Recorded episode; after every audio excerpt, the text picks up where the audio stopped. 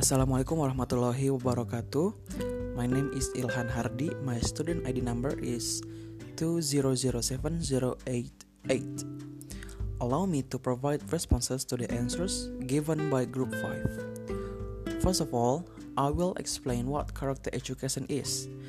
Character education is the process of learning common attitudes, beliefs, and behavior that are important for people to have as responsible citizens.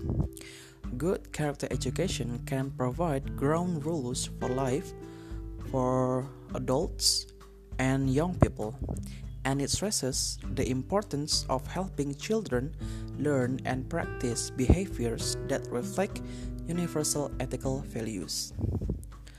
Character education is important in every aspect of a child's life, including the family, school, and community.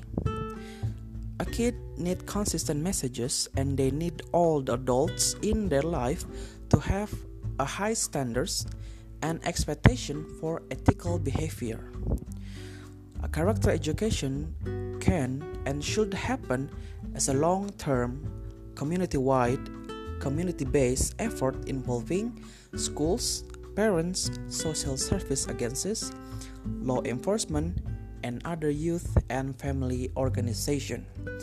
A teacher must be able to provide character education for his students, and also a teacher can influence many important characteristics in a person's life.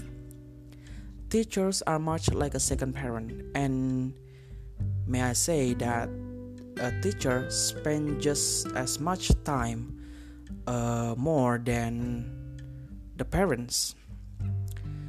A teacher help mold and shape a child's personality and oftentimes the future. A teacher can teach the importance of trust and being trustworthy.